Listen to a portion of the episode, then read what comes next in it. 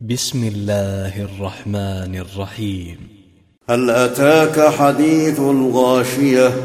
وجوه يومئذ خاشعة عاملة ناصبة تصلى نارا حامية تسقى من عين آنية ليس لهم طعام إلا من ضريع لا يسمن ولا يغني من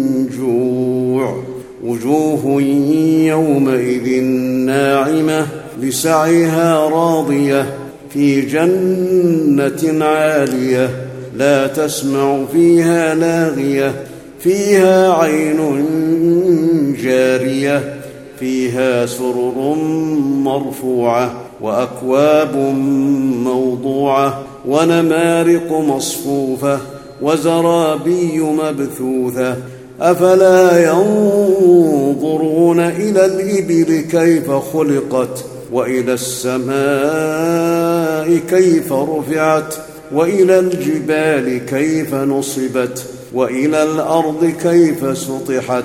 فذكر إنما أنت مذكر لست عليهم بمسيطر إلا من تولى وكفر. فيعذبه الله العذاب الأكبر.